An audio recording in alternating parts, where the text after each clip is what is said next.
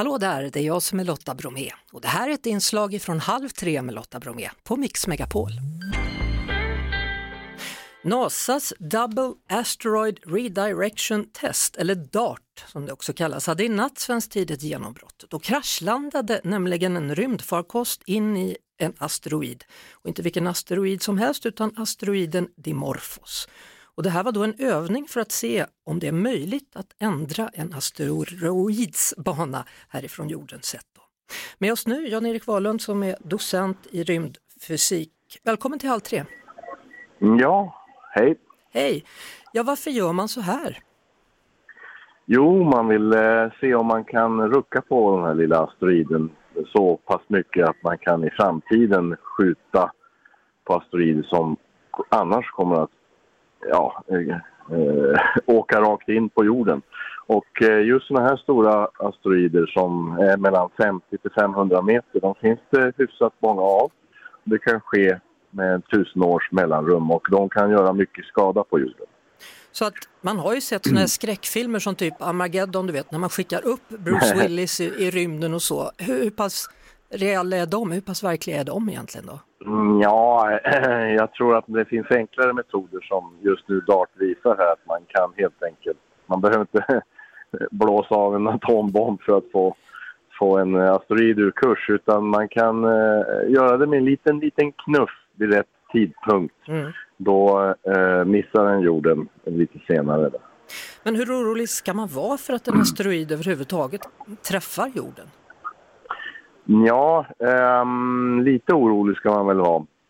Um, de här äh, klumparna, som jag sa då, 50 till 500 meter, de kommer med cirka 1000 års mellanrum.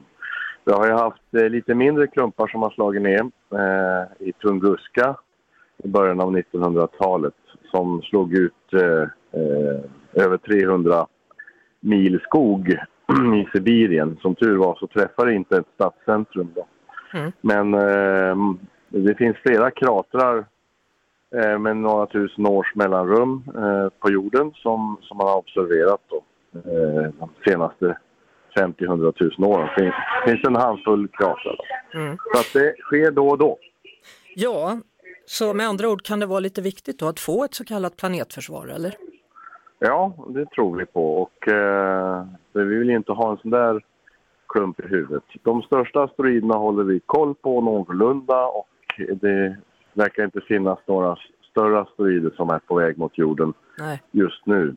Men däremot så är det ju eh, så att man måste kunna upptäcka de här lite mindre farliga asteroiderna också för de kan ju slå ut en stad eller en, en mindre land mm. faktiskt. Du håller ju mm. på med väldigt många olika eh, projekt då, bland annat ett som kallas för heavy metal. Vad, skulle du kunna tänka dig att komma mm. hit och berätta mer när du är hemma? För jag hör att du sitter på flygplatsen och snart går planet här. ja, jo. Jag sitter på en flygplats nu. Jag har just varit i ESTEC, ESAs tekniska centrum, Europeiska rymdstyrelsens ja. tekniska centrum. Och där har jag presenterat ett projekt som heter Heavy Metal som ska, eh, hoppas vi, färdas till en eh, metallisk asteroid. Eh, 216 Cleopatra heter den. Men, eh, och det är ju kärnor av eh, eh, planeter sedan mm. forntiden, i tidiga solsystemets uppkomst. Oj, oj. Det är det vi försöker upptäcka. Ja, mm. Det är alltså spränga någonting som, du får komma hit och förklara för jag kan inte begripa, vi ska spränga något som hände för några miljoner år sedan. Typ. Ja, Nej. Eh, vi ska inte spränga den utan vi ska utforska den och okay. ta reda på hur de här fungerar och hur solsystemet en gång i tiden uppkom. Oh, spännande. Jan-Erik Wahlund, du är varmt välkommen hit när du har landat på hemmaplan igen. Yes. Tack för okay. att du var med nu. Mm, tackar. Vi hörs såklart på Mix Megapol varje eftermiddag vid halv tre.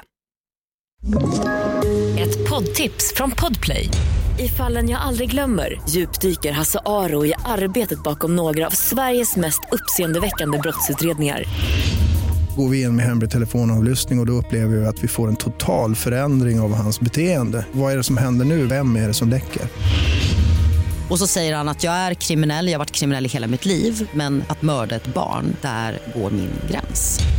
Nya säsongen av Fallen jag aldrig glömmer på Podplay.